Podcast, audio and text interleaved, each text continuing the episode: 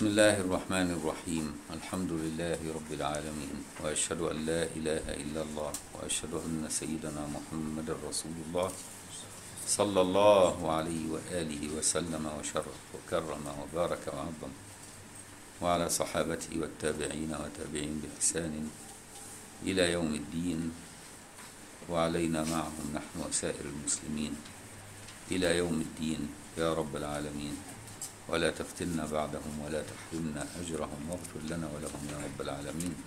أما بعد نكمل قراءة وشرح كتاب الرسالة القشيرية للإمام العارف بالله سيدنا عبد الكريم القشيري رحمه الله تعالى ونفعنا الله بعلومه وعلوم مشايخه وتلامذته وقراء مصنفاته وشراحها في الدارين. آمين. وما زلنا في المصطلحات المتداولة بين طائفة أهل التصوف في كلامهم وفي كتبهم. يتكلم اليوم عن المحو والإثبات. ساعات يقولوا المحو ويقولوا الإثبات وساعات يقولوا التخلي والتحلي. المحو هو التخلي والإثبات هو التجلي. ببساطة كده سهلة يعني. أن تمحو كل خصال خبيثة وتتحلى بكل صفات مليحة. كويس؟ يبقى محوت وتخليت عن كل خلق خبيث وتحليت وأثبتت كل خلق مليح. يبقى هو ده المقصود به بهذا الباب. المحو رفع أوصاف العادة. العادة إيه؟ إن الإنسان خلق هلوعا. إذا مسه الشر جزوعا. وإذا مسه الخير منوعا. مش كده بقى؟ دي حتى الإنسان كده. خلق من عجل. حريص. يحب الحرص. يحب الشهرة. يحب الظهور. يحب العلو. يحب القهر. يحب تحقيق رغبته. بغض النظر عن الوسائل. هي دي الإنسان خلقته كده. طبيعته كده. يجي الإيمان يغير الطبيعة دي بقى. عشان كده يقول لك إلا المصلين. يقوم يستثنى. ثم رددناه أسفل سافلين إلا الذين آمنوا وعملوا الصالحات. فهمت بقى؟ يبقى خلق يعني المحو رفع أوصاف العادة. العادة التي خلق الإنسان عليها على طبيعته. لو الإنسان ترك نفسه بغير إيمان هيبقى زي هذا الكافر. شوف نموذج الكافر إيه؟ يفسد حيثما وجد. واخد بالك؟ ويسير خلف شهوته ورغبته ويظلم خلق الله إذا تحكم فيهم واخد بالك؟ ليس عنده شفقة قاسي القلب. آه دي دي أخلاق الإنسان بغير إيمان. أي إنسان بغير إيمان يبقى كده. لما ترفع الأوصاف المعتادة دي بقى وتبدلها بأوصاف أهل الإيمان تبقى اسمك محوت الأوصاف المعتادة. اللي هي الإيه؟ المعتادة عند الإنسان بغير أدب وبغير إيمان. انظر إلى صفة إبليس وصفة سيدنا رسول الله.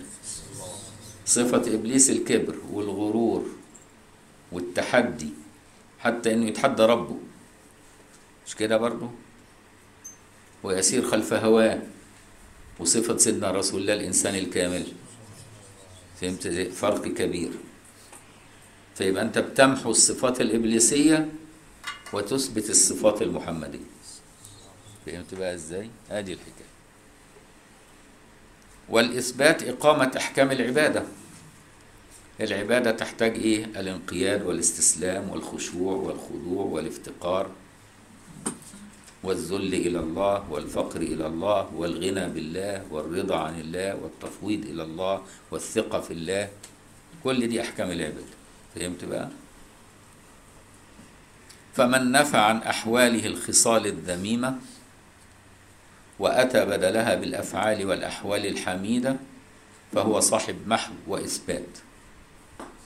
هذا من جهة العبد ومن جهة الرب يمحو الله ما يشاء ويثبت وعنده أم الكتاب.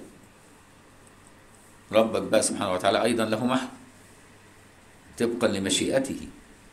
والعبد مسؤول أيضا له محو وإثبات. لأنه خليفة الله فله والخليفة له إيه؟ من خصائص من استخلفه بعد الخصائص. الله له مشيئة أنت لك مشيئة. فهمت بقى؟ الله له إرادة أنت لك إرادة. الله متكلم أنت تتكلم. الله سميع بصير وأنت تسمع وتبصر. فهمت بقى؟ وبالتالي الخليفة لابد أن يكون فيه من صفات من استخلفه.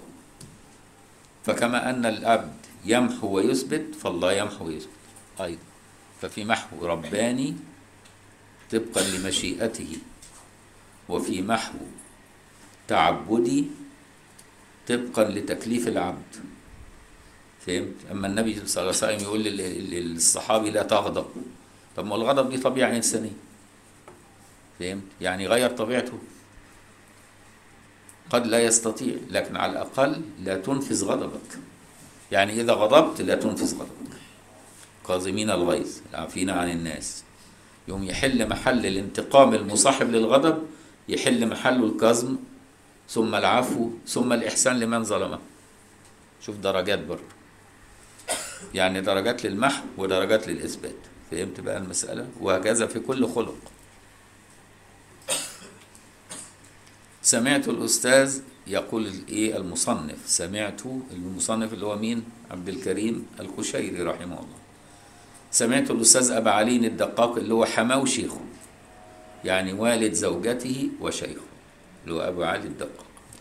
سمعت الأستاذ أبا علي الدقاق رحمه الله يقول قال بعض المشايخ لواحد إيش تمحو وإيش تثبت؟ إيش يعني أي شيء؟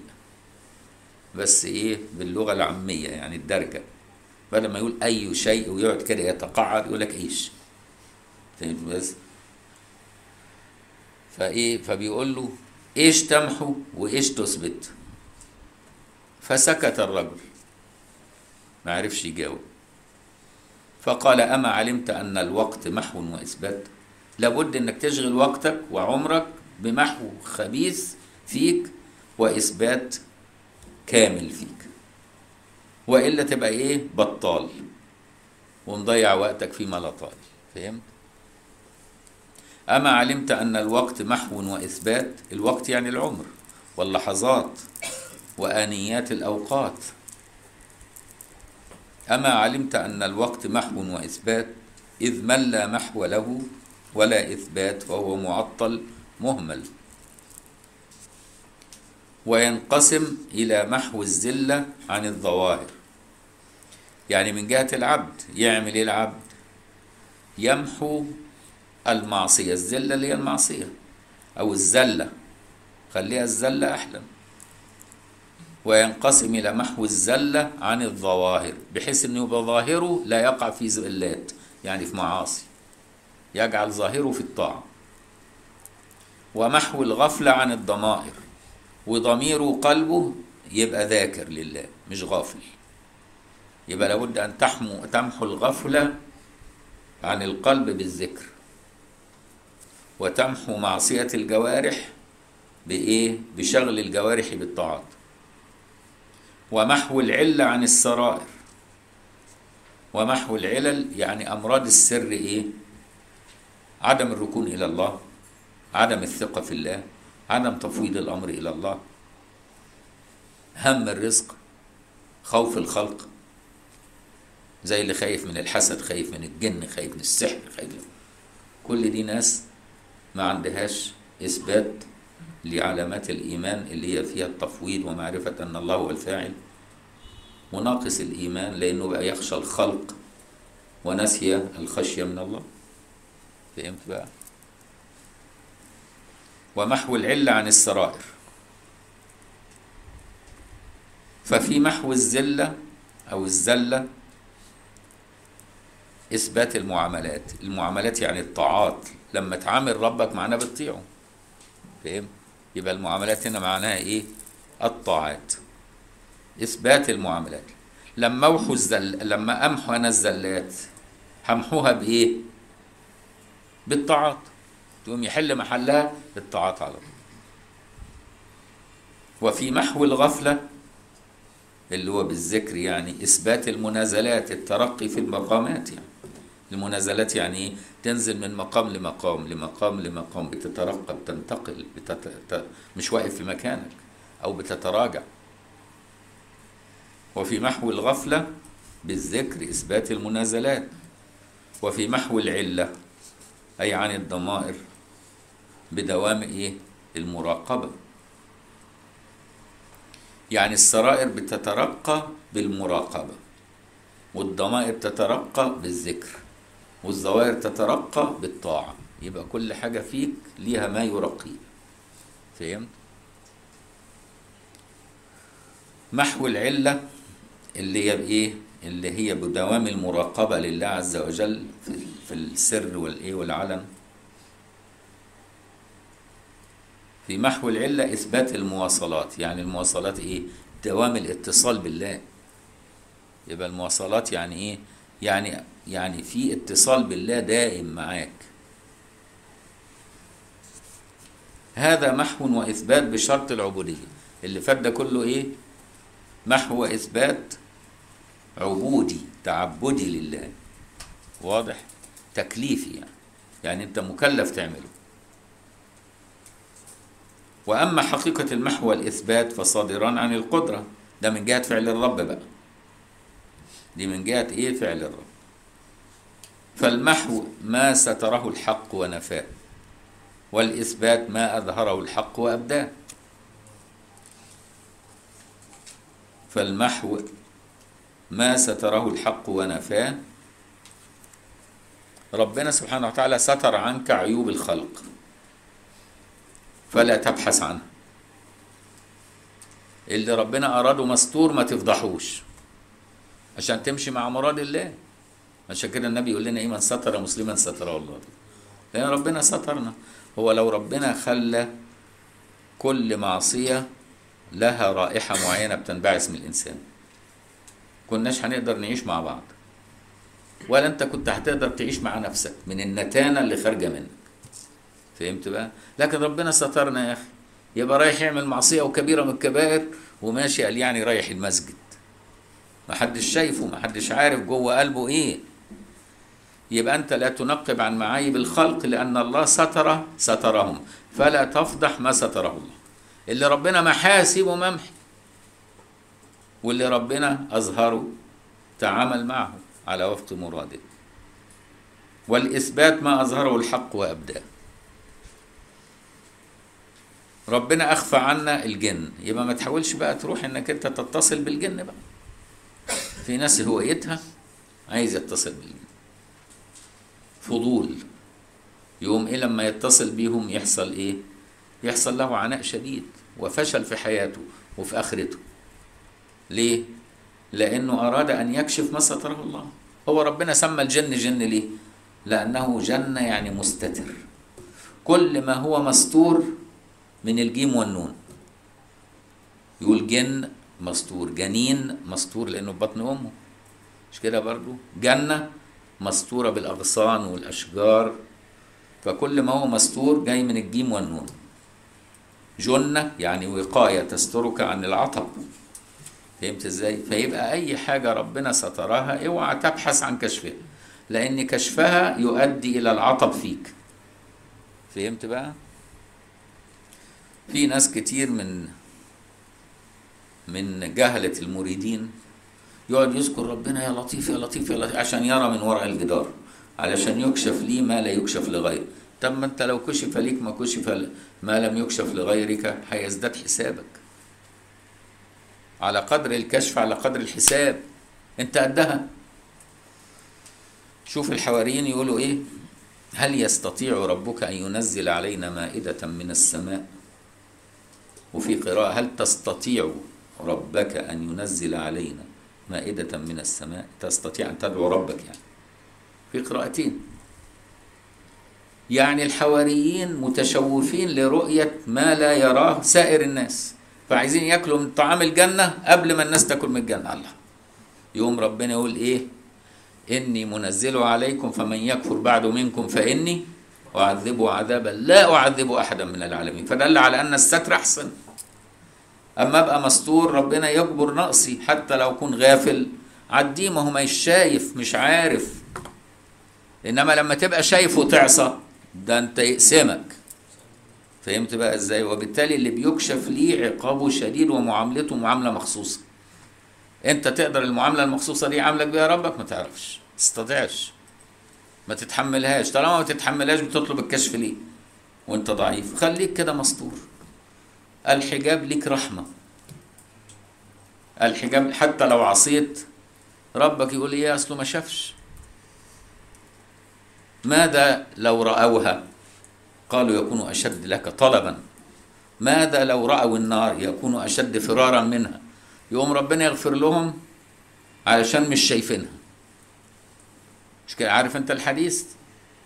تركتم عبادي يذكروا وتركتم عبادي يسألوك الجنة وتركتم عبادي يستعيذون فبيقول لهم ماذا لو رأوا النار يكونوا أشد فرارا؟ ماذا لو رأوا الجنة يكونوا أشد طلبا له؟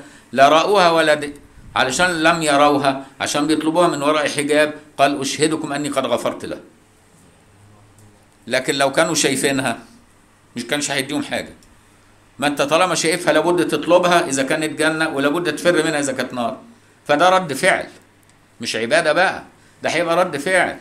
لكن لما تطلبها من وراء الحجاب بقت عبادة. فشتان بين اللي بيشاهد واخد بالك واللي مش مش بيشاهد. فالحمد لله على نعمة الحجاب. ليه؟ يقوم ربك يجبرك كتير لأنك مش شايف معلش. أصله مش عارف معلش. أنت نفسك لما تلاقي طفل يمسك حاجة كده يعني إيه يفسدها. تقول له إيه أصله طفل مش فاهم معلش طفل. لكن لما يبقى واحد فاهم ويجي يفسد الحاجة تعاقبه عقاب شديد. مش كده برضه؟ أهو الحكاية كلها. خليك كده مع الله طفل. فهمت إزاي؟ طول ما أنت طفل مع الله حلو قوي ربنا يجبرك يعديها لك. حتى لو غلطت يقول لك ما هو طفل ليس على الأطفال حرج.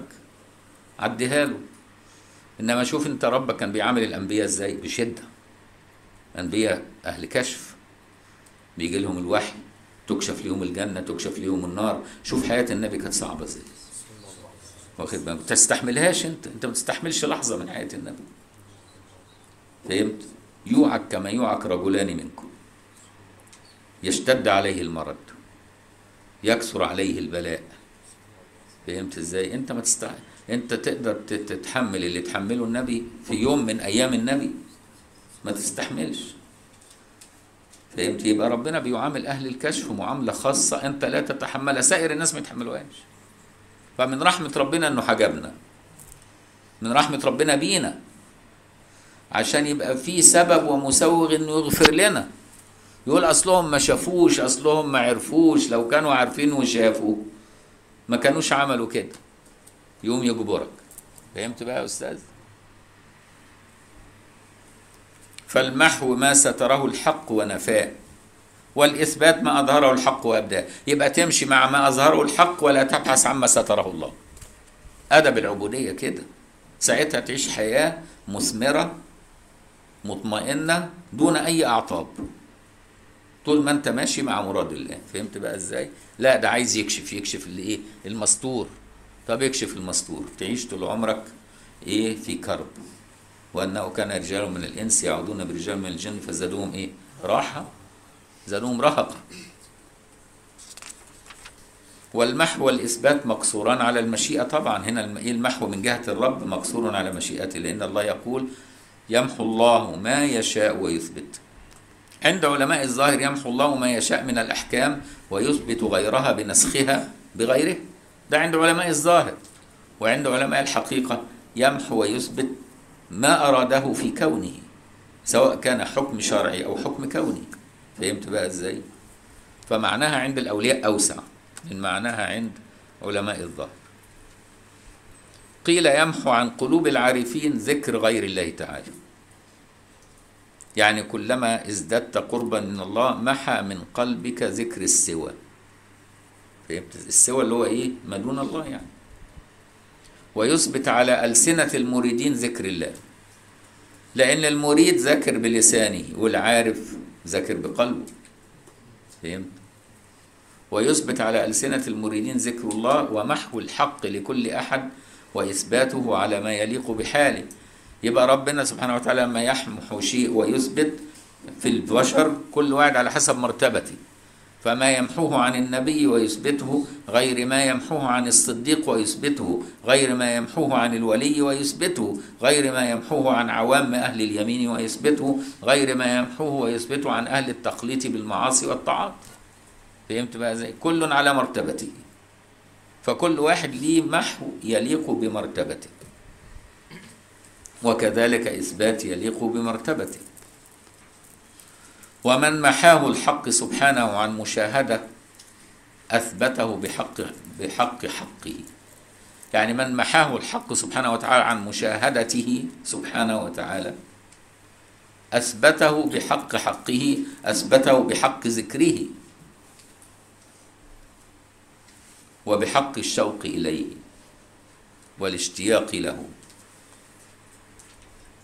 ومن محاه الحق عن إثباته به رده إلى شهود الأغيار ولما ربنا يمحو إثباتك لنفسك لوجودك فيعمل إيه؟ لو محى الله إثبات ذكره في قلب العبد يوم يثبت يثبت ذكر العبد لنفسه ولو محى ذكر العبد لنفسه أثبت ذكره مكان غياب النفس فهمت؟ ومن محاه الحق عن إثباته سبحانه به رده إلى شهود الأغيار الأغيار اللي هي النفس والخلق والكون. وأثبته في أودية التفرقة. أو أودية التفرقة اللي هي إيه؟ أن هناك عبد ورب هناك خلق ومخلوق وخالق. مش كده برضه دي التفرقة. لكن إيه؟ الجمع لا ترى إلا الله بس. فهمت بقى إزاي؟ وقال رجل للشبلي رحمه الله ما لي أراك قلقا أليس هو معك وأنت معه؟ الشبلي كان يجي له أحوال كده يبقى شديد القلق رايح جاي رايح جاي درجة إن هم أوعزوا للمحيطين به إنه مريض فحجزوه في البيمارستان اللي هو إيه؟ مستشفى الأمراض العقلية في زمانهم. قالوا ده عنده خلل عقلي الراجل ده. لكن أطواره غريبة. كانت تجي له أطوار غريبة. في ترقي مع الله. فهمت؟ درجة يجي يحجزوه في البيمارستان. يقوم إيه؟ يروحوا يزوروه. يقوم يقابلهم بالحجارة ويضربهم. بالحجارة. أصدقائه جايين يقوموا يفروا منهم. يقول لهم كذبت. لو أحببتموني لصبرتم على بلائي. يعني بيعلمهم. يعني طلع أعقل منهم. طلع إيه؟ أعقل منهم. فواحد لقى الشبلي في حال من أحواله القلقة دي. ما لي أراك قلقا؟ أليس هو معك وأنت معه؟ فقال الشبلي لو كنت أنا معه كنت أنا. ولكني محو فيما هو. يعني لو كنت أنا بذاتي كده معه فأكون مع نفسي. لأن في لي اختيار. ولكني محو فيما هو يعني أنا محو معه فلا وجود لي معه. فهمت؟ كأنه محى كونه وأثبت وجود الله. فلا يشعر بكونه لا يشعر بأنه أنا. يعني لا يشعر بالإيه؟ بالأنا. والمحق فوق المحو ساعات يعبروا عن المعنى المحو لما يزيد قوي يسميه المحق. لأن المحو يبقي أثرا والمحق لا يبقي أثرا. وغاية همة القوم أن يمحقهم الحق عن شاهدهم ثم لا يردهم إليهم بعدما محقهم عنهم. يعني غاية همة القوم إنه الإنسان لا يرى إلا بالله ولا يسمع إلا بالله لا يرى بنفسه ولا يسمع بنفسه ولا يتحرك بشهوته. غاية همة القوم إنه يوصل لإيه إنه يبقى عبد ربان. كنت سمعه كنت بصره فهمت؟ يتكلم بالله يسمع بالله يسير بالله يعني بتوفيق الله في كل أحواله. دي غاية همة القوم. فإذا فعل معهم ذلك غايتهم ألا يردوا إلى نفسه.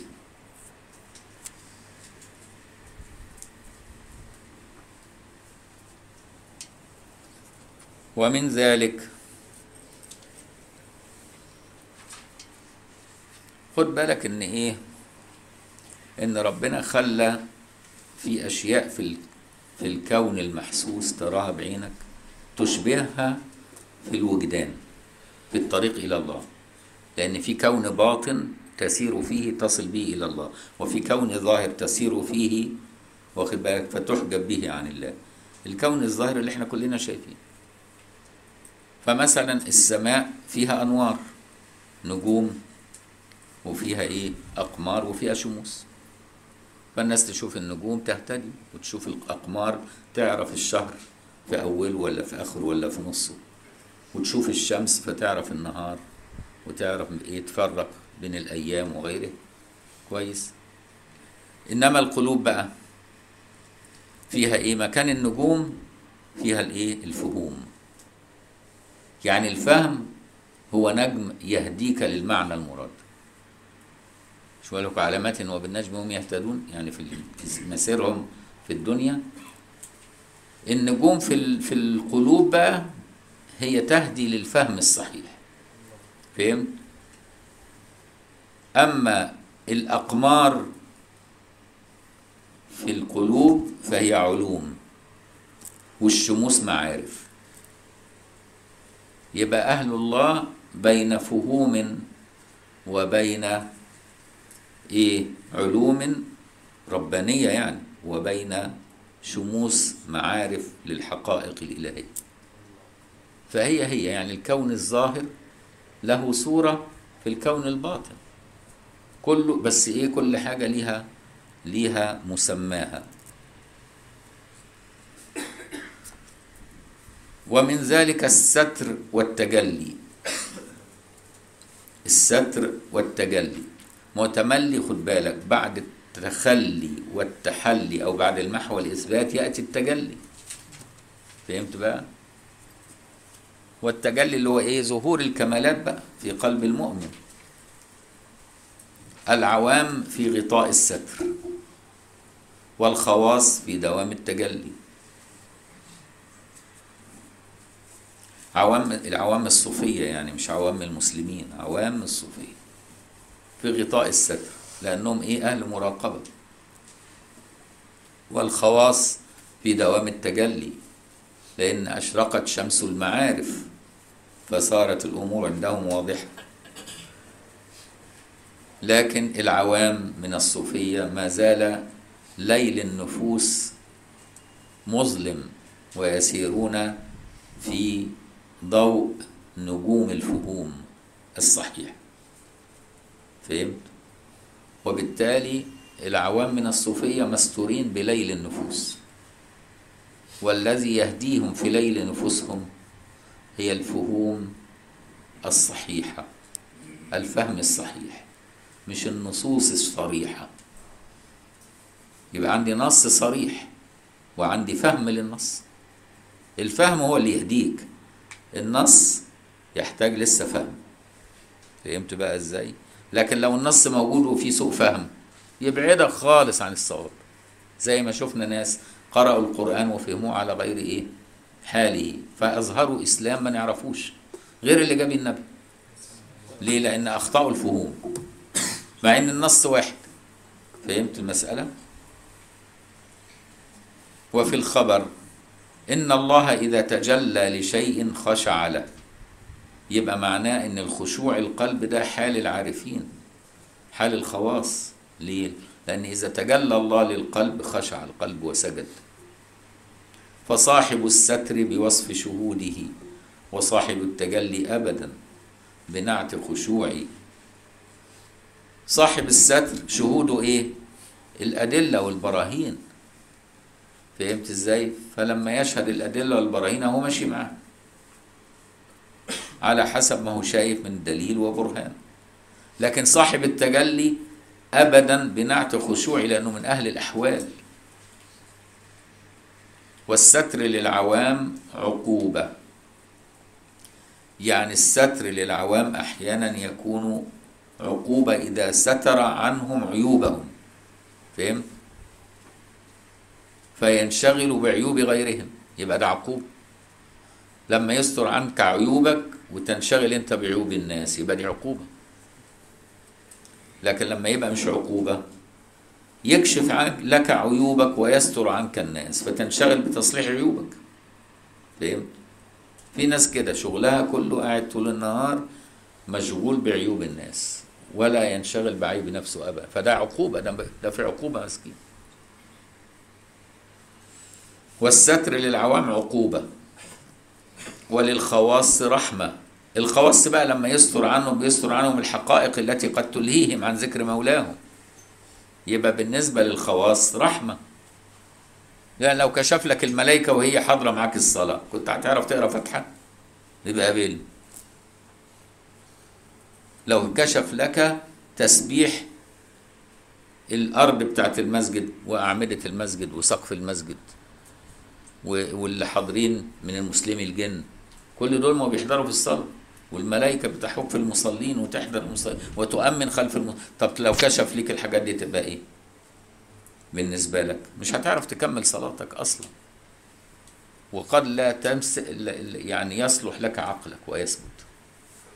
فيبقى الستر بالنسبة لأهل الطاعة للمستقيمين على شرع الله رحمة.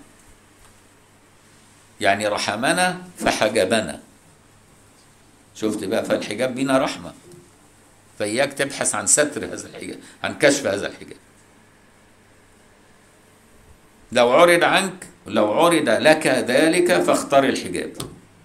ليه؟ لأن تختار ما اختاره الله. مش يقول لك إذا خيرت فاختار ألا تختار أو اختار ما تخ... ما يختار. ما هم مقامين. إما تختار ألا تختار أو تقول أختار ما تختار. مقام سيدي محي الدين ابن عربي يقول أختار ما يختار.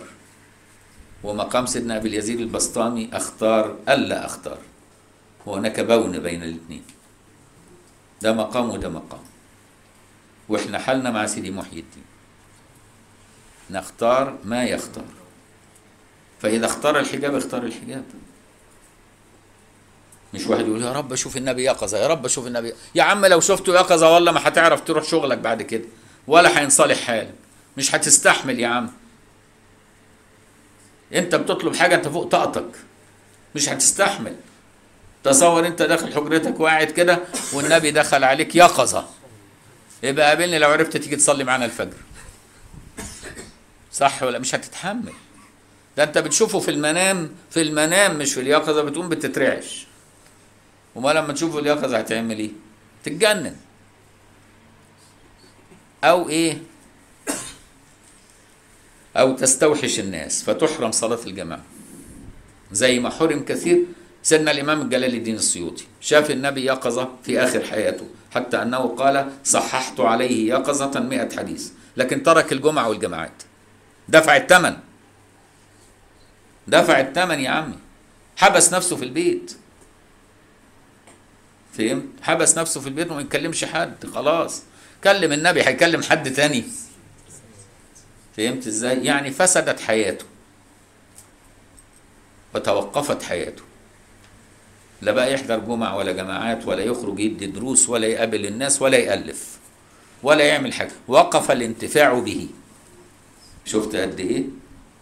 فأنت ما تتمناش حاجة أنت مش قدها. ما تتمناش حاجة أنت مش قدها. واضح؟ لو ربنا كتبها لك دون تمني هيكتبها لك في وقت يقويك تتحملها. فهمت؟ عشان كده في ناس ربنا اداها لهم اداها لهم بس في وقتهم يتحملوها. عارف؟ ما هم ما طلبوهاش. ده هي جات لهم كده. ربنا جابها لهم في الوقت اللي هم يتحملوه. فهمت يا أستاذ؟ يبقى الستر للعوام عقوبة إذا ستر عيوبهم وشغلهم بعيوب غيرهم. والستر للخواص رحمة لبقاء التكليف الذي هو أصل التشريف. لأن يعني لو كشف لهم هيتوقف التكليف يبقى تشريف بس. وعبادة التكليف ثوابها أعلى من عبادات التشريف. لأن ربنا قايل في الأول الآية إيه؟ الذين يؤمنون إيه؟ بالغيب ولا قال بالكشف يؤمنون بالغيب. يبقى الإيمان بالغيب ده هو اللي ليه منزلة عند الله عظيمة. إنما الإيمان بالكشف والله لو ما انصعتش بعد ما كشف ليك لا ينسفك. مع أول غفلة. مع أول هفلة. عفوا. فهمت إزاي؟ يتعبك. لا خلينا كده مستريحين الخلق عيال الله. خلينا عيال. حلو قوي رحمة. فهمت؟ تقوم تاخد راحتك تروح تاكل وتشرب وتنام وتكلم صاحبك وتهزر معاه. واخد بالك وتروح السوق وتتجوز وتربي عيالك وتدخل الامتحان وتنجح وتعمل مشروع واخد بالك إزاي؟ وتكسب وتبقى نافع في الدنيا. يبقى لو كشف ليك مش هتعمل الحاجات دي خالص كلها. فهمت إزاي؟ هتعرض عن هتفسد حياتك ويفسد وتفسد على الناس. حتى أقرب الناس إليك لا ينتفعوا بيك. أبوك يحتاجك ما ما يلاقيكش. أمك تحتاجك ما تلاقيكش. ولادك محتاجينك مش لاقيينك فهمت بقى إزاي؟ فخليك كده أحسن. فنعم الحجاب هو. فهمت بس مع إيه؟ مع كمال الاستقامة في الظاهر. فهمت؟ إذ لولا أنه يستر عليهم ما يكاشفهم به لتلاشوا عند سلطان الحقيقة. يتلاشوا طبعا مش عيب ولا حاجة. ولكنه كما يظهر لهم يستر عليهم. سمعت منصور المغربي يقول وافى بعض الفقراء حيا من أحياء العرب.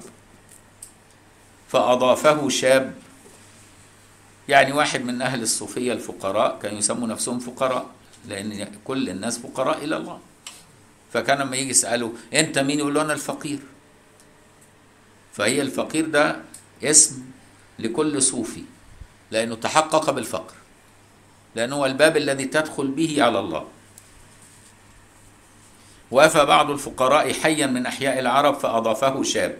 فواحد شاب كده شاف إيه؟ فقير من فقراء الصوفية غريب فاستضافوا عنده في بيته. فبين الشاب في خدمة هذا الفقير إذ غشي عليه. فجأة الواد ماشي بيقدم له حاجة لا أغمى عليه. الله مصروع ده ولا إيه الواد ده؟ عنده صرع ده ولا راكبه جني ده؟ وإحنا هنقول كده على طول. ولا مسحور ده معمول له عمل ولا إيه الحكاية؟ الجهله هتقول كده فاهم؟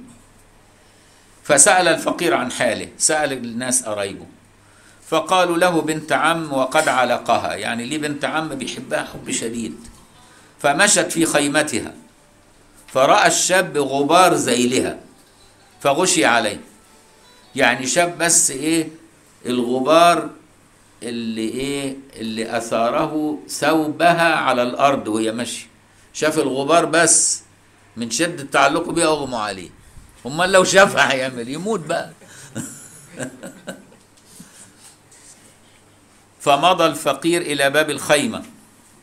راح الفقير لباب الخيمة علشان يشفع للبنت دي إنها تتزوج ابن عمها أدام بيحبك حب شديد كده تزوجيه بتتقلي عليه ليه؟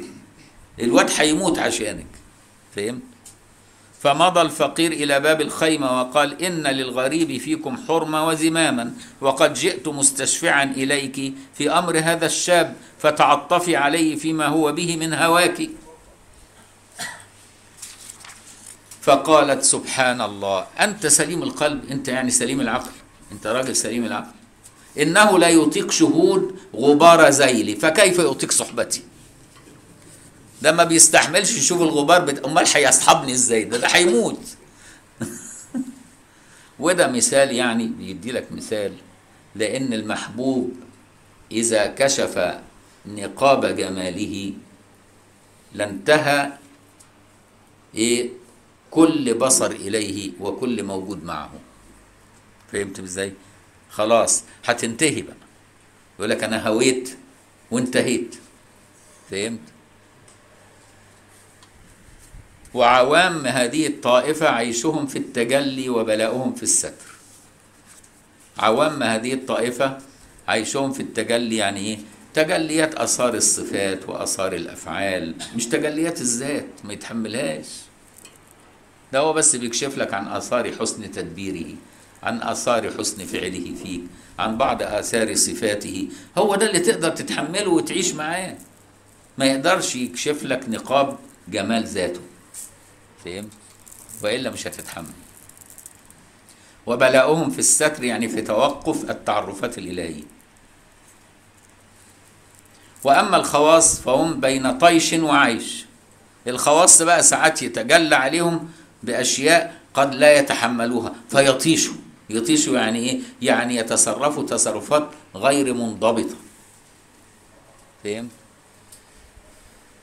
وعيش وأحيانا يردهم إلى حالهم المتوازن بستر الحجاب فيعيشوا مرة أخرى. يبقوا إيه؟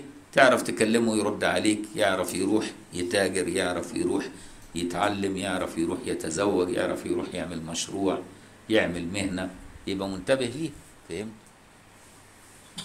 وأما الخواص فهم بين طيش وعيش لأنهم إذا تجلى لهم طاشوا وإذا ستر عليهم ردوا إلى الحظ فعاشوا.